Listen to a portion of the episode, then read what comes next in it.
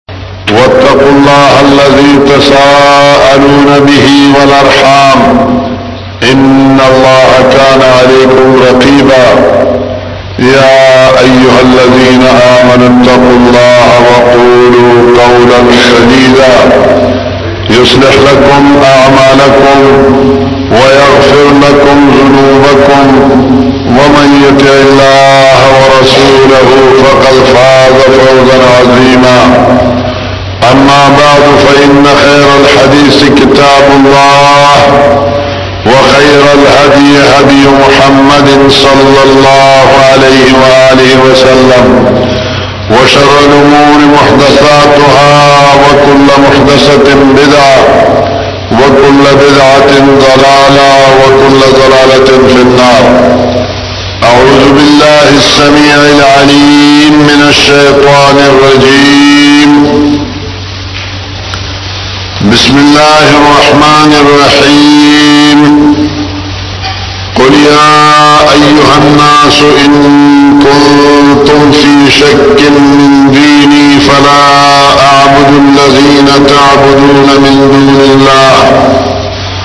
ولكن أعبد الله الذي يتوفاكم وأمرت أن أكون من المؤمنين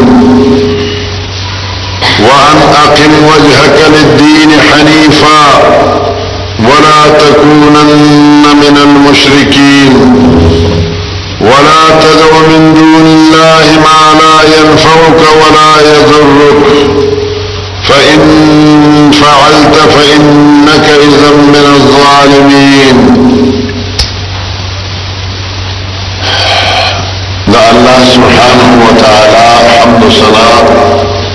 او محمد رسول الله صلی الله علیه و آله وسلم باندې درود و سلام نوښته زما محترم او معزز الله سبحانه وتعالی دا انسانیت او دا کائنات پیدا کړی دی د دې د تخلیق او د پیدایش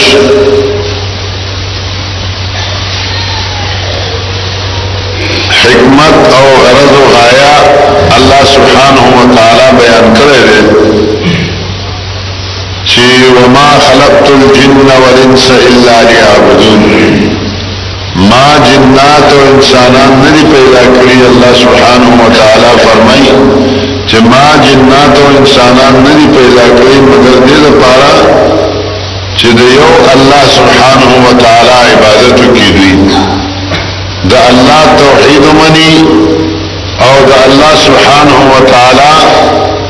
یې کې یوازې بندګي وکړي او د الله په بندګي کې څوک شریک نه کړي د انسانیت تخلیق او د انسانیت او د جناتو پیدایش صرف هم دې خبرې د پاره شوی دی چې دوی د الله توحید ومني دارنګ الله سبحانه و تعالی دی مخلوق تا چې کله دوی د توحید لپاره پیدا کړو د توحید پیژندل او په هغه باندې عمل کولو طریقه داغي جزئیات او دا غي اصول باندې دا انسان نه پوهیدو چې الله خو مون پیدا کړو توحید د پاره الله خو مون پیدا کړو د خپل بندگی د پاره اوس توحید ستویل شي په توحید باندې څنګه عمل کول پکار دی د توحید څو اصول دي او څو فروع دي په دې باندې دا انسان نه پوهېدو نو الله سبحانه و تعالی د دوی پویولو د پاره دوی ته توحید خودلو د پاره انبیاء کرام راولېږل الله سبحانه و تعالی فرمایي چې دغه انبیاء د لېږلو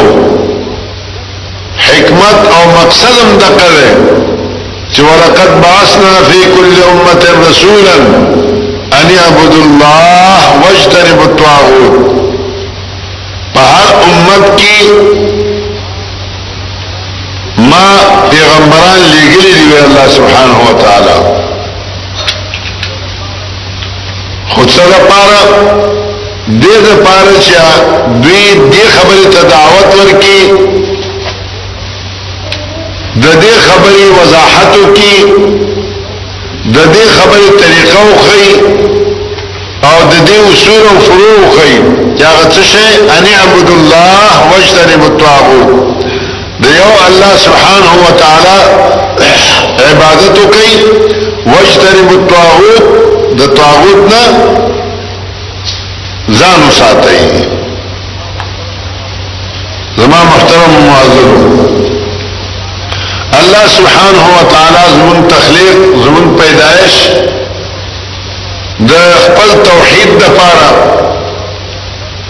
او د انبیاء او بعثت او د رسولانو بعثت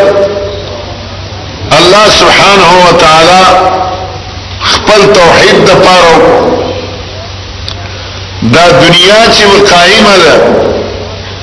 په دې توحید باندې قائم ده الله رسول الله صلی الله علیه و آله وسلم فرمایي لا تقوم الساعه قیامت به تر هغه وخت پورې نه برپا کیږي حتا لا یقال الله الله الله تر څو چې په وخت زمکه باندې الله الله الله وینا ختم شوی نه چې دا الله توحید نه ختم شوی تر هغه وخت پورې به قیامت نه قائمېږي او بل روایت صحیح مسلم دا سی دے کہ رسول اللہ صلی اللہ علیہ وآلہ وسلم فرمائی لا تقوم الساعت الا على شرار الخلق قیامت بند برپا کی مگر پا بدترین مخلوقات باندی اس اغا بدترین مخلوقات چی پا ہوئی باندی قیامت برپا کی آغا چوک دی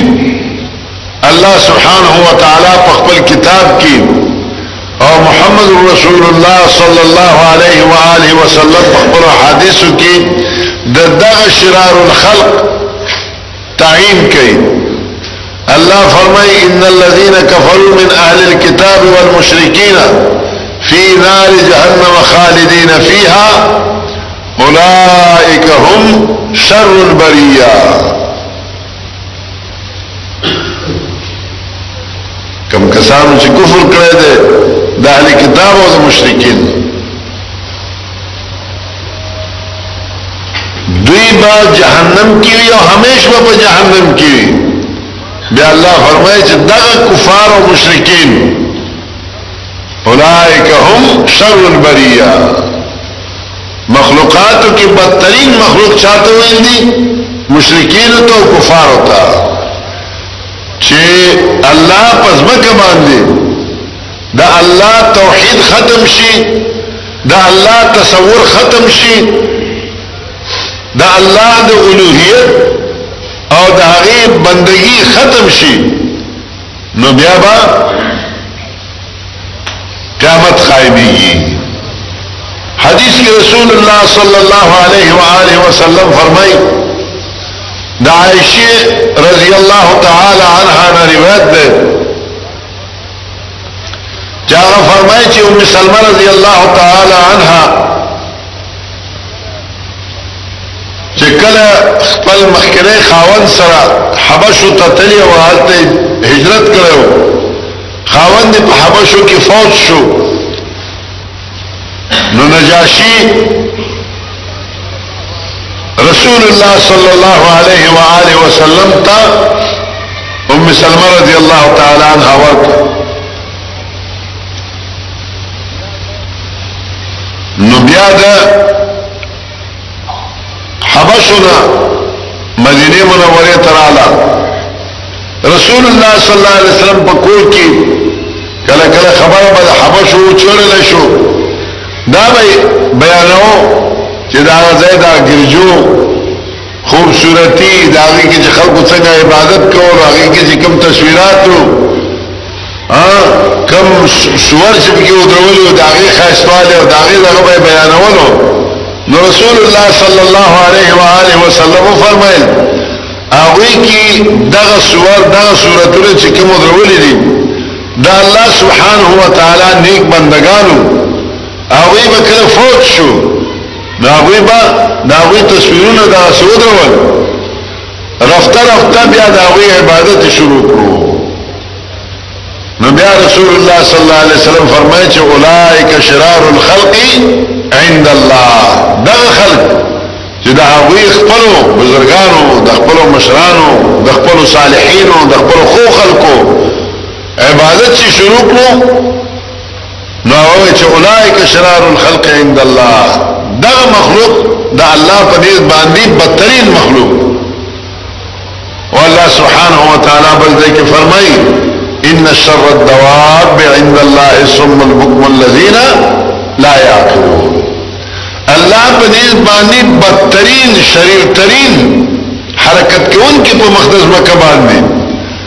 ها کسان دي چې اسم البکم الذين لا يعلمون چې هغه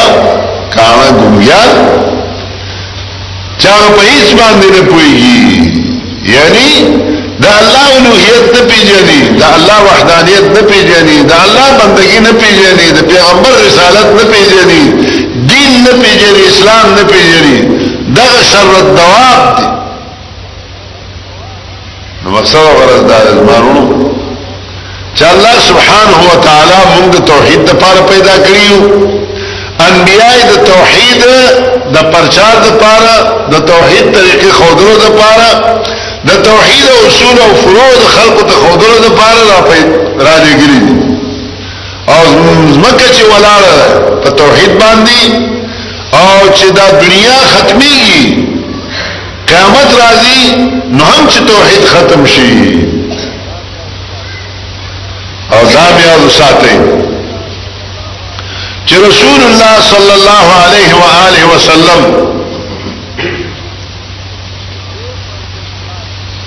درې پنځوس کاله په مکه کې تیر کړی څلوېښت کاله کې هو ورته نبوت نه ملاو شو څلوېښت کاله پس ورته نبوت ملاو شو دیالس کاله مسلسل رسول الله صلی الله علیه و آله وسلم دعوت خالص توحید ته خالص عقیده ته دیار لسکاله مسلسل عقیده توحید دیتا رسول الله صلی الله علیه و آله وسلم دعوت ورکاو ځکه الله سبحانه و تعالی د مکی مشرکینو هغه تکبر لوی انا فرمانی بیانی فرمای انهم كانوا اذا قيل لهم لا اله الا الله يستكبرون کله چې دوی ته وویل شو چې تاسو د بندگی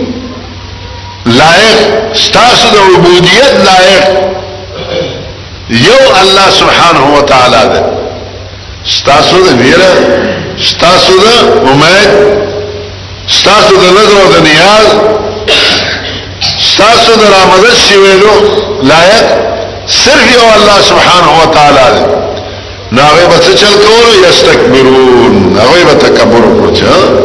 څنګه تکبر وکړو اجعل الالهه اله واحده ان هذا لشيء عجاب زمون خو د هر یو نه ځان له ځان نه مرادونه غواړو مختلفو مدول دي صرف یو درې شپېته بوتان درې سوه شپېته بوتان صرف په خانه کعبه کې ودرول وو مونږ خو د یو یو یو کس نه یو یو بت نه یو یو الہ نه ځان نه ځان نه مرادونه غواړو دا مرادونه نه پوره کیږي زمونږ او محمد صلی الله علیه و آله وسلم راغله دی وی چې یو الہ دې دا ټول هیڅ هم نه خو صرف یو دا تاسو کار کولای شي مشکل کشای کولای شي تاسو د عبادت لایق تاسو د امید لایق تاسو د ویر لایق تاسو د نظر او د نیاز لایق تاسو د رحمت شي وینا لایق تاسو مصیبت لرو کې انکه تاسو مصیبت راوستون کې یو دی وی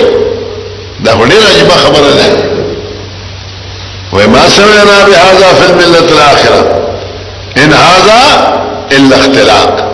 دا خبره هم موږ وی مخکره دي نو کې پلان نکړي چتم نه دی اورېدلې دا وې د ځان جوړې کوي شي خبرې دي دا هیڅ حقیقت نه لري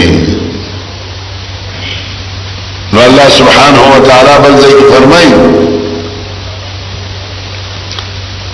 وإذا ذكر الذين وإذا ذكر الله وحده اشمأزت قلوب الذين لا يؤمنون بالآخرة کمو کسانو چې په آخرت باندې ایمان نشته هغه ته چې صرف یو الله ذکر کړی شي چې تاسو حاجت روايي مشکل کشایي صرف یو الله سبحانه و تعالی کول شي لہذا تاسو عبادت د یو الله وکي نو اشمعزت قلوب الذين لا يؤمنون بالاخره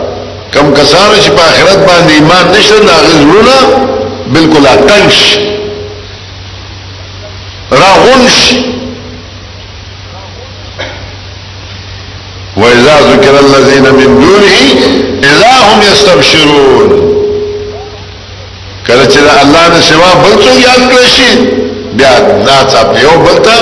خوشخبری اړ ورکړي او دا پلانې ته ته پلانې مولې سه خدا تقریر کاو چې لوی ځوان د دوله سکانو دوبه بیړې راوښته دي او هغه پلانې ځای کې مولاني نه مني هغه نه مني ها دا وې څه لګیای لیکن چې څوک چې وې چې هغه داسې کار کول شي اذا هم يستبشرون نا څاپه وي خوشخبری حاصله وي او بل ته خوشخبری ورکړي چې وګور پلانې ځای کې داسې دا پلانې ځای ته منځله ورځي جمعې مونږه ته کوي دا غي عقیده صحیح ده صحیح عقیده دې ته وایي چې شرک وکړي او خراب عقیده دې ته وایي چې توحید بیان دی دا سی یو لوی مصیبت جوړ شوی دی نن سبا چې د توحید نه شرک جوړ شوی دی د شرک نه توحید جوړ شوی دی د سنت نه بدعات جوړ شوی دی او د بدعات نه سنت جوړ شوی او کم خلق چې د الله وحدانیت بیانوي او د محمد رسول الله صلی الله علیه و آله وسلم سنت بیانوي هغه خلک ناشنا دي په مختلفو نمونه باندې یادي رسول الله صلی الله علیه و آله وسلم مخکې دا پیشګوئی کړې بدا الاسلام غریبا وسيعود غریبا اسلام را پورته شوی دی په داسې حالت کې چې دا اسلام چا نه پیژاند ناشناو او بیا الله سبحانه و تعالی داسې آشنا کړو داسې خور کړو چې نن موږ هم دلته د اسلام نوم اخلو وسيعود غریبا بیا به دا اسلام داسې شي چې لکه څنګه چې ابتدا کې ناشنا و بیا به هم ناشنا شي لکه نن سبا حالات داسې چې توحید چاته بیانې کوی دا وای نه خبرې کوي خپل پلان نه کې شي په خورو کوم دې ته وی چې لکه پلان نه کې خدا بجلیان مې دا هغه ډیوی بل ډیوی نه شونډې بلولې ها ډیوی بلولې تاسو ولې پلان نه کې شي په خورو یا تاسو بجلی بلوي زمون پلان دي کې خو په کچا کورونو کې اوسېدل موږ ولې دا په پاخ پاخ بلډینګونه جوړو مقصد ورز دا مانو چې یوازې د دین د پاره وي چې پلانو نه کې شي پرې خو او دې نور چې زوی کې دا نه ولې د پلان نه کې عادت پرې خو بهر حال الله سبحانه وتعالی دا توحید په مونږ باندې فرض کړی دی لازم کړی دی چې خامخا به عقیده توحید تاسو منئ ما دا عرض کوو چې رسول الله صلی الله علیه و آله وسلم دیالس کاله دغه توحید په مکه مکرمه کې بیان کړی یوازې بیان نه چې یو ځای کې بناستو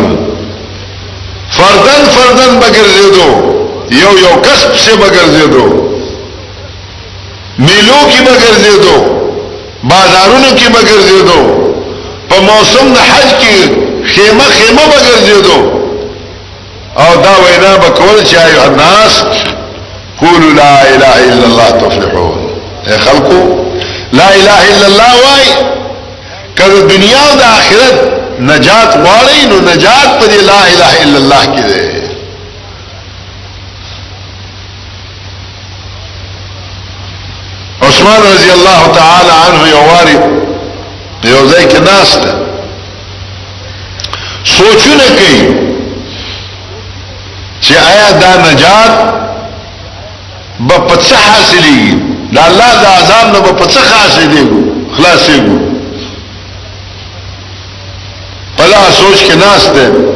عمر رضی الله تعالی عنہ په غلار روان دی وې السلام علیکم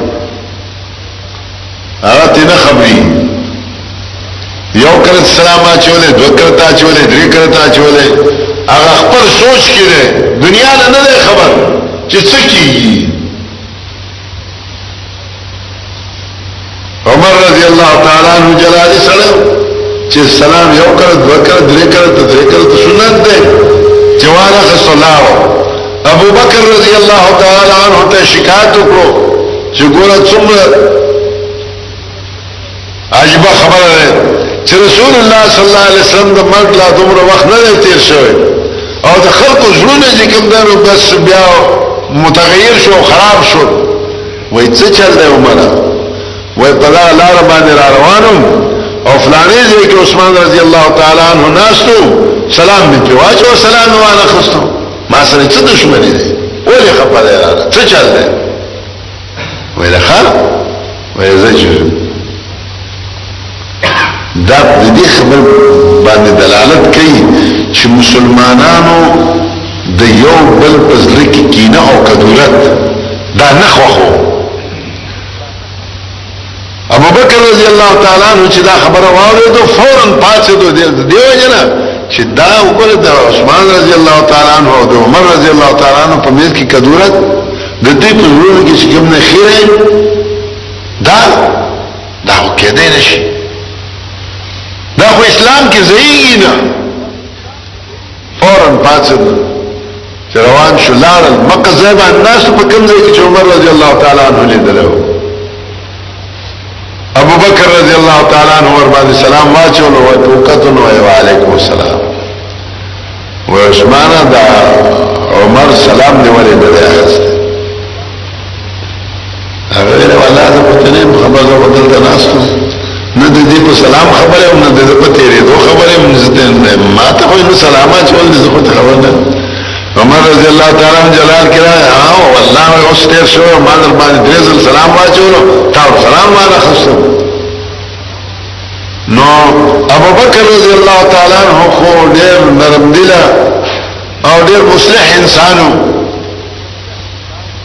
ویل عمر بس لږ صبر وکړه زما دا خیال دی چې عثمان رضی الله تعالی عنہ په څه سوچ کې وای هغه ویل چې او په سوچ کې وای څه سوچ دی دنیا کې د آخرت وای سوچ مې داو چې رسول الله صلی الله علیه و آله وسلم د دنیا نه رحلت وکړو او موږ دا ته پوسو نکړو چې دا نجات په پڅي نو ابو بکر رضی الله تعالی عنہ فرمایله چې انا سالته ما ته تاسو کړه چې دا خبره وکړو یکدم پاتې دو عثمان رضی الله تعالی عنہ پاتې دو وی ویل چې بی ابي و امي زما مور پلان درنه قربان شه انت حق بهذا ته د دې خبرې زیات لایق وي چې تاسو د رسول الله صلی الله علیه وسلم په ژوند کې دا فکر وو چې د آخرت د عذاب نه د خلاصېدو څه طریقه مونږ ته معلوم شي څه شی راته معلوم شي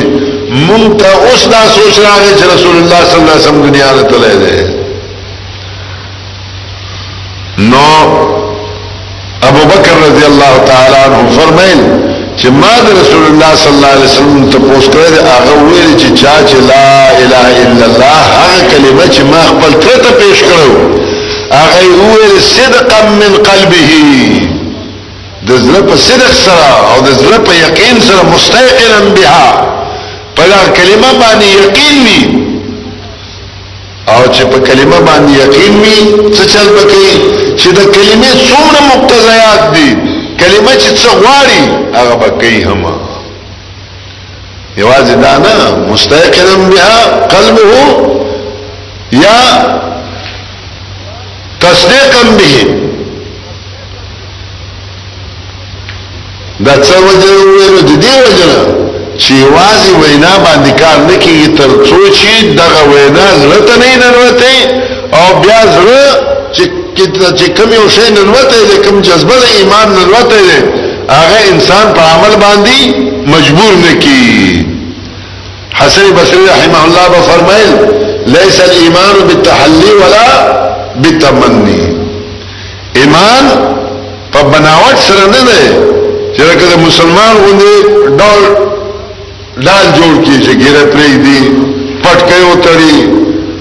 درې سوه او پنځه سوه دانې تسبیح په لاس کې ونیسي په دې باندې نه دی او نه په تمنې باندې چې په دې کې تمناګانې کوي چې داسې شوی وي داسې شوی وي داسې جنت ته تللی وي داسې پلانې ځای ته تللی وي په دې کار نه کیږي ولكن ما وقر القلب وصدقه العمل ایمان نوم دی د هغه شی د هغه جذبه د هغه سپیرټ او د ترپ چې زړه کې ورننه وځي او بیا دغه جذبه انسان مجبور کی په عمل باندې د کولو او په نه کولو باندې مجبور کی کله کولی دا ایمان مجبور کی چې ما په الله باندې ایمان راوړی دی او الله ویل دی چې دا وکا چې دا وکي نو تا لپاره جنت دی او دا کار نه الله مې کړی ما او که زه دې نه منې نه شم نو بیا جهنم دی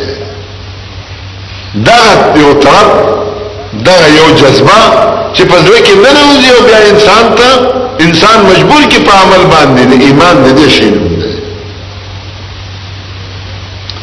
نو مقصد او غرض ما دا و چې رسول الله صلی الله علیه وسلم ورته وي عثمان رضی الله تعالی عنہ چې په سوچ کې وته و چې نجات په پڅي نو هغه دغه کلمه او خو چې نجات په توحید باندې نجات په عقیده صحیحه باندې چې عقیده صحیح وي هغه به چې کوم درو نجات ورته ملاويږي توحید وکینو هغه به نجات ورته ملاويږي بغیر د توحید نه نجات نه حاصلېږي امام نو ذکر رسول الله صلی الله علیه و آله وسلم دیار لسکالا صرف تغه توحید بیان او بیا د دغه توحید د اعلا د پاره د دغه توحید د نشر او د اشاعت د پاره رسول الله صلی الله علیه و آله وسلم خپل وطن عزیز هغه ځای چې کوم ځای کې پیدا شوی و هغه ملک چې د هغې زړه پورې نښتی و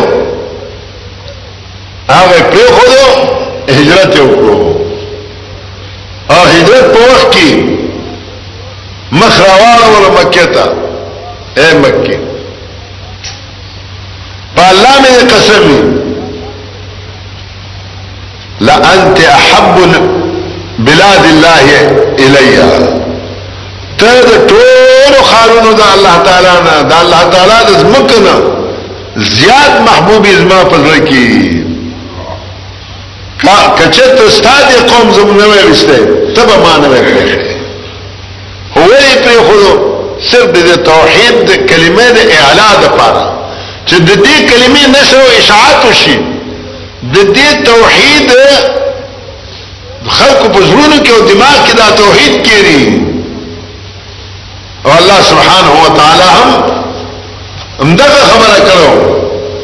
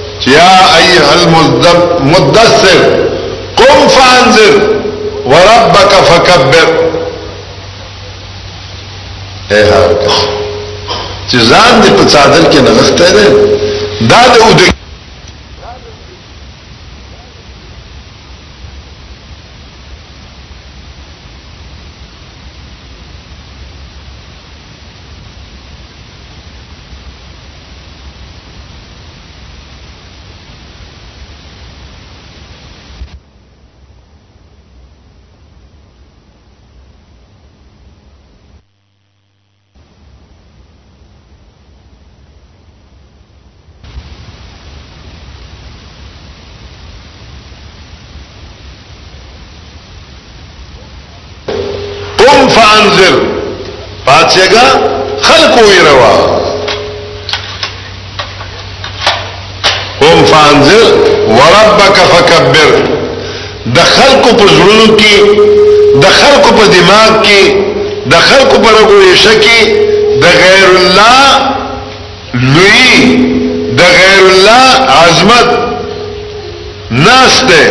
ته څه چل وکړه فکبر د الله سبحانه وتعالی لوی د الله عظمت د خلقو په دماغ کې او د خلقو په زړونو کې کېنوا قم فانذر وربك فكبر د خپل رب لوی بیان کې د خلقو په زړونو کې د الله لوی کېنوا نو رسول الله صلی الله علیه و آله وسلم صرف د توحید د وجره ملک عزیز پر خو مدینه منوره ته چلاو د دغه توحید په لار کې چې کوم خندونه کوم رکاوټونه د هغه لري کولو لپاره او د توحید عقیده مخکې وړاندې وړلو لپاره د بدر غوندې د احد غوندې د خندق غوندې معارکو کې جنگونو کې بنفس نفیس خپل محمد رسول الله صلی الله علیه وسلم شریک شو او خپل غاخونه مبارک هم شهید کړو خپل سر هم زخمی کړو خپل صحابه شهادت هم ورکړو څه د پاره سر د دغه توحید کلمې د پاره چې دا الله توحید په مخلوق کې خور شي او رسول الله صلی الله علیه و آله وسلم ته ذکر الله سبحانه و تعالی فرمایي قل یا ایها الناس ان كنتم في شك من ديني دا مونږ ته اهل حق ته الله سبحانه و تعالی طریقه خي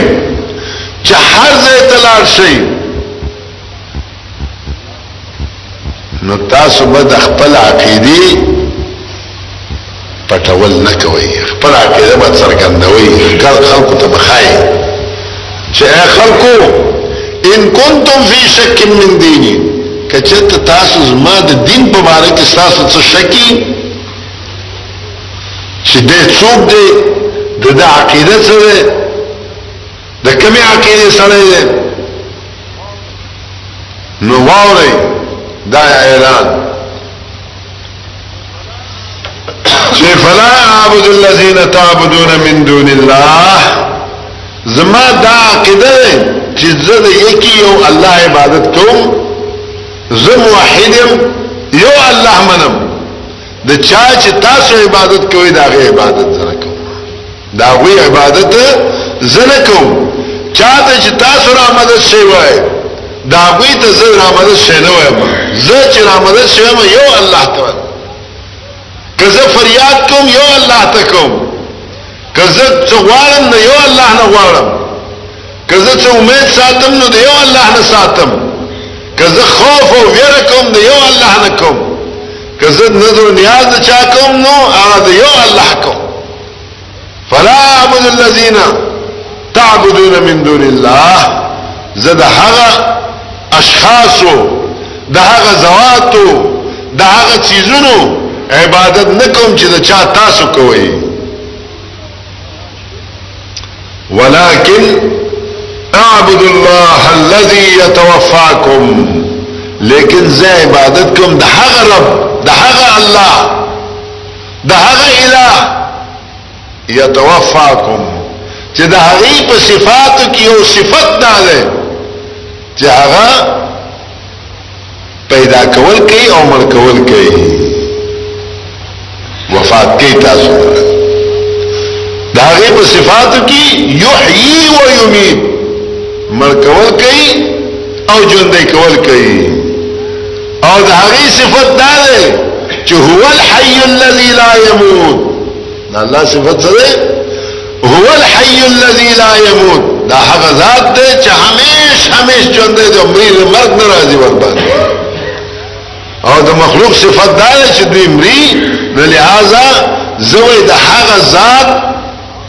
عبادت کوم چې يتوفاکم چې فوت کوي تاسو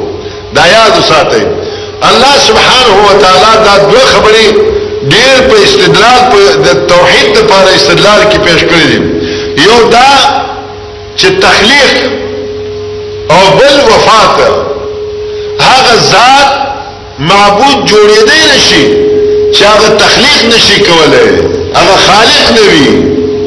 او هغه ذات معبود جوړېدای نشي چې هغه وجلې نشي مر کولای نشي دا مرګ او جون دا الله په لاس لہذا دغه الله معبود دی او د دغه یو الله عبادت پکې الله وی د چا عبادت چې تاسو کوي ارونی ما ذا خلقو ارونی لکه ته خو خې څه پیدا کړی ارونی ما ذا خلقو لکه دا خو خې چې هغه څه پیدا کړی تاسو دا عبادت کوي الله پرې خیر نو مقصد او غرض دا دی ځوانو چې الله سبحانه و تعالی موږ دې توحید لپاره پیدا کړیو او موږ ته الله سبحانه و تعالی دا تعلیم راکړي چې تبا خپل عقیده هر ځای کې څرګندې عقیده به پټای نه دا اعلان وکړي چې لا اعبد الذين تعبدون من دون الله لا اعبد الذين تعبدون من دون الله زه د هغه خلکو عبادت نه کوم دا هغه چیزو چې تاسو د چا کوي زه اعبد الله الذي يتوفاكم او بل دا خبره چې امرت ان اكون من المؤمنين ما ته دا حکم شوی دی چې زه د مؤمنانو نه یم چې دا الله هر حکم ته په هر حکم باندې یقین ساتم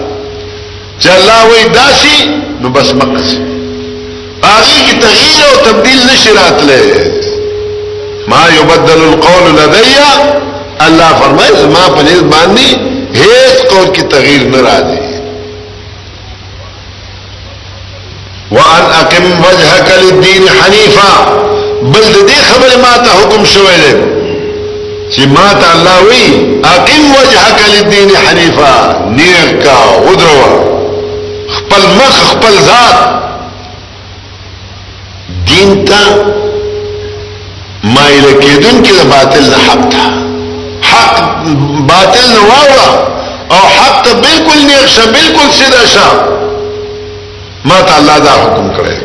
او راته وی چې ولا تکونن من المشرکین او بیا الله سبحانه و تعالی د شرک یو څنګه خي د شرک یو څنګه خي شرک ډېر څنګه دي هغه کې یو څنګه دلته خي چې ولا تدعو من دون الله ما لا ينفعك ولا يضرك د شرک په څنګه کې یو څنګه دا دی چې د الله نه سوا بل چاته تجغو کې را مدد شي وي ځکه الله فرمایي چې ولا تدعو من دون الله مرا بلا الله نه سوا داس شي لرا چې هغه نه تا ته نفع رسول شي او نه ضرر رسول شي نه درته نفر سي او نه درته ضرر رسي د داسې شي ته چې مو واره مدد شي مو وایا انسان د خپل نفع او د ضرر مالک نه دی رسول الله صلی الله علیه و آله وسلم هو ذکر فرمای الله سبحانه و تعالی ورته قل لا املك لنفسي نفعا ولا ضرا ولا اعلم الغیب اعلان کوي رسول الله صلی الله علیه وسلم زکه چې زما ته د تانه محبوب بل څوک نشته په مخلوق کې تدا اعلان وکړي چې لا املک لنفسي نفع ولا ضر زه د خپل ځان لپاره د نفع او ضرر مالک نه یم ولا اعلم الغیب او نه په غیب باندې چې غني ستاسو په حالات باندې زه پوه شم او تاسو ته زه څه فائدہ ورسوم دا په غیب باندې پوه دل دی یو الله تعالی نو فرمای چې ولا تدعو من دون الله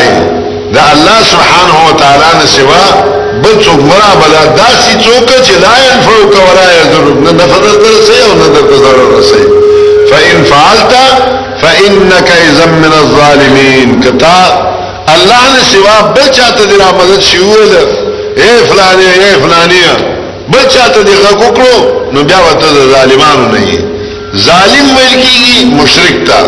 ولی ظالم ورته وي ځکه چې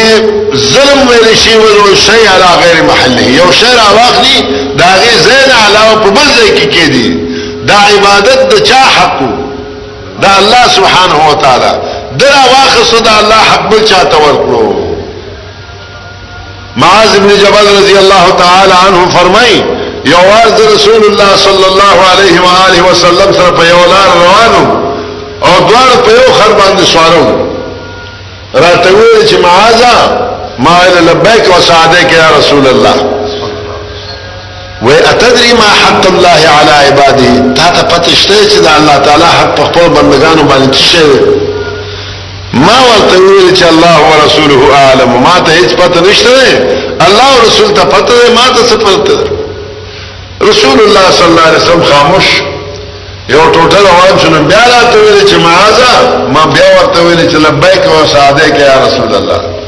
بیا راته ویل چې اتدری ما حق الله علی عبادی ته پته شته چې دا الله حق پر بندگانو باندې څه ما بیا ذکر چې الله ورسوله اعلم بیا رسول الله صلی الله علیه وسلم غلی شو یو ټوټه چې لاړو نو بیا راته ویل چې یا معاذ ما ورته ویل لبیک و سعدیک یا رسول الله و اتدری ما حق الله علی عباده د تفتشته چې د الله تعالی حق په خپل بندگانو سره نو ما ویل چې دا الله رسول الله او رسوله عالم ما ته هیڅ پته نشته الله او رسول ته پته په دا دریم کل سوال رسول رسول الله صلی الله علیه وسلم فرمای حق الله علی عباده ان يعبدوه ولا يشركوا به شيئا د الله سبحانه وتعالی حق په خپل بندگانو باندې دا دی ان يعبدوه چې د الله سبحانه وتعالی عبادت وکړي دوی ولا يشركوا به شيئا د الله سبحانه وتعالی ذات او صفاتو کې هیڅ څوک شریک نکړي دا د الله سبحانه و تعالی حق د خپل بنده باندې نو ځکه الله سبحانه و تعالی ویل ان فعلت فانك اذا من الظالمين کتا دا حق چې د ندا د आवाज کولو د بلنې دا حق د الله ته ولګي د داسې ذات ته ورکړو چې لا ينفوق ولا يضرك نن نفذ ترسه نن درته ضرر رسي انك اذا من الظالمين ته ظالمانو او دا په دا خبرم دا ته یاد شو دا مې یاد وساتئ چې مونږ حقیقت هم دا دی او استادانو نه اورېدلې هم دي او بار بار هم اورېدلې دي چې حقوق دوه قسمه دي یو ته حقوق الله ویل کېږي یو ته حقوق العباد ویل کېږي حقوق الله الله تعالی حقنا الله پاک بخي خو د بندګانو حق الله نه بخي ټیک ده کنه دا سم اوریدلی او دا خبره صحیح ده خدا یاد وساتئ چې الله سبحانه و تعالی خپل حقوق کو یو حق نه بخي ګورئ هغه حق څه شی دی چې دغه توحید دی چې ان یعبدوه ولا یشرکو به شیئا چې الله عبادت کې حق الله علی عباده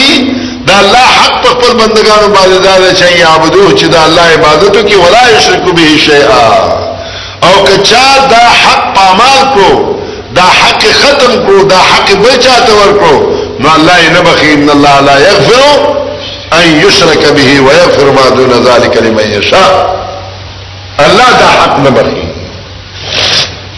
نو مقصد غرض ما دا دی چې الله سبحانه و تعالی دا فرمایي چې ته دا ورته فإن فعلت فإنك إذا من الظالمين کتا دا الله نه سوا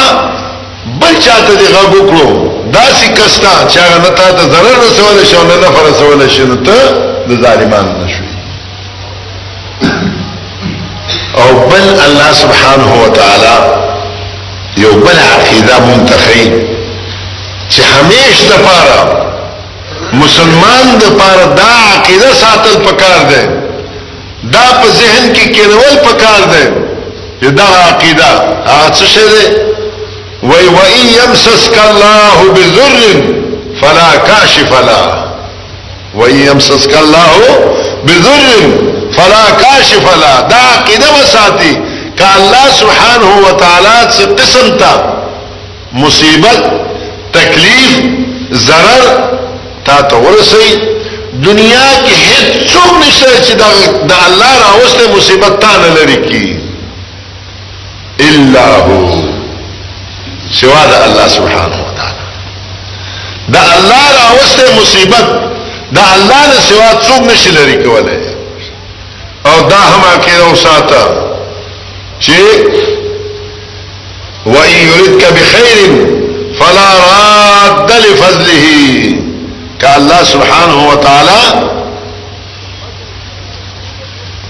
څه فضل څه مهرباني در کو در سره کول غواړي نو دا هغه فضل او دا هغه مهرباني بندون کې څوک نشته او ذکر رسول الله صلی الله علیه و آله وسلم روزانه دغه د دې عقیده اقرار کو او خپل امت ته روزانه پنځه وخت مانځب سي د دې عقیده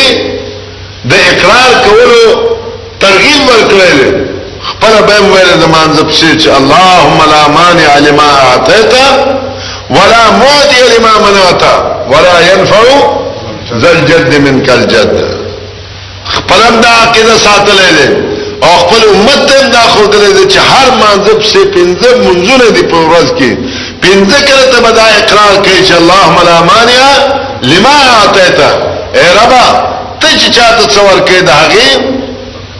منع کوونکی او بندوونکی څوک نشته ولا موت لما منعت اے ربا ته چې چاته څه ورکې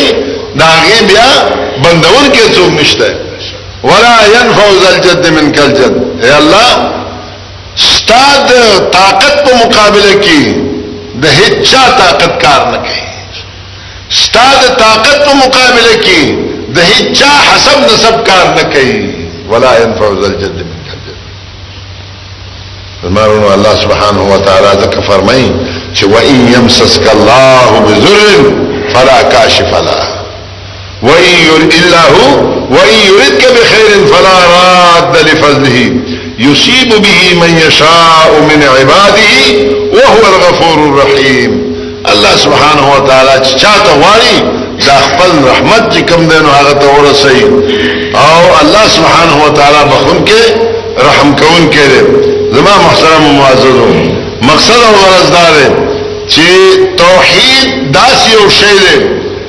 چې په دې توحید باندې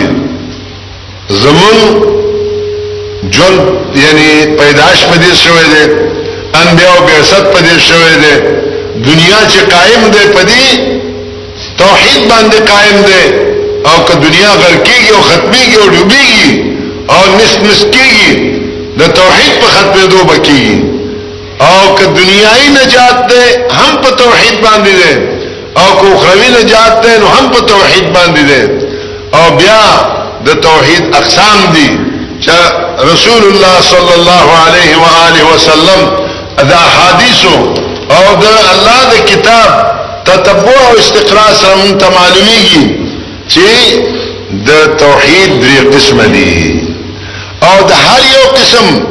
چې ته بیانوي نو باغې د پاره مستقل وخت غواړي نو الله سبحانه و تعالی دې مونږ ته د په توحید باندې د عمل کولو توفیق راکړي او الله سبحانه و تعالی دې مون په توحید باندې پوي کی او الله سبحانه و تعالی دې زمون مرګ په توحید باندې راولي او الله سبحانه و تعالی دې مون ته توفیق راکړي چې دا د الله توحید هر هر فرد ته مونږ ورسو زما محترم او معززو بس زه په دې دغه باندې اکتفا کوم ټول څه ورته وي تبلیغي جماعت چې موږ وایو چې خالص قرآن او سنت او خالص توحید دوی ته بیان شي او فرد فرد چې موږ رسو خالص توحید خالص او کتاب سنت ورته ورسو نو په دې سلسله کې مونږ الجامعة الازهريه د لپاره یو مرکز ګرځولی دی او مونږ ستاسو حضور کې د لپاره حاضر شوي یو چې جامعه سریه کې هر پنځشنبه په ماښام مانځه نه وروسته تر مفصل مانځه پورې یو عالم راځي بعضې وخت کې شیخ رحمن الله صاحب راشي بعضې وخت کې جګم نه شیخ عبدالسلام صاحب راشي بعض وخت کې شیخ غلام الله صاحب راشي دا نور علما کرام مختلف راځي ان شاء الله دې جمعې لپاره امید ده چې شیخ امین الله صاحب راشي د تیر جمعې کې شیخ غلام الله صاحب نو مونږ تاسو نه دی خواست لراغلی چې جمعې شپې له ان شاء الله تاسو به الته حاضرېږي الته برازي او بیا مونږ دا کوشش وکړو چې د وټو د پاره اوس هم الحمدلله جماعتونه وزي د دریو ورځو د پاره یو ورځ د پاره دوه ورځې د پاره دوه ګنټو د پاره ها لکه دا مونږ چې راوتلي ها تقریبا دوه درې ګنټې مونږ روزانه ورکو دغه چې کوم د مرګرو نه علماو نه تاسو تاسو باندې بزرګانو نه مونږ دا غواړو چې تاسو راشئ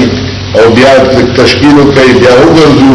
چې د خلق ته د الله تعالی بندگان ته دا د الله خالص توحید او محمد رسول الله صلی الله علیه وسلم خالص سنت ورسو او دا صحیح عقیده چې کوم نه ورسو ځکه په دې باندې بمونږ الله سبحانه و تعالی نشي ځکه چې دا زموږ ذمہ واري ده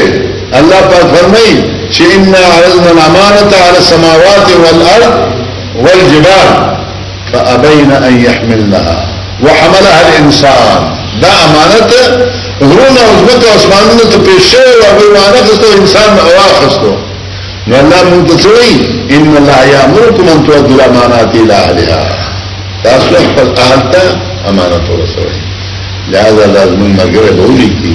کم حضرات ته چې مونږ سره وعده کوي چې مونږ نو دا عبدالغفور مولوي صاحب جزاکم الله الله خوشحال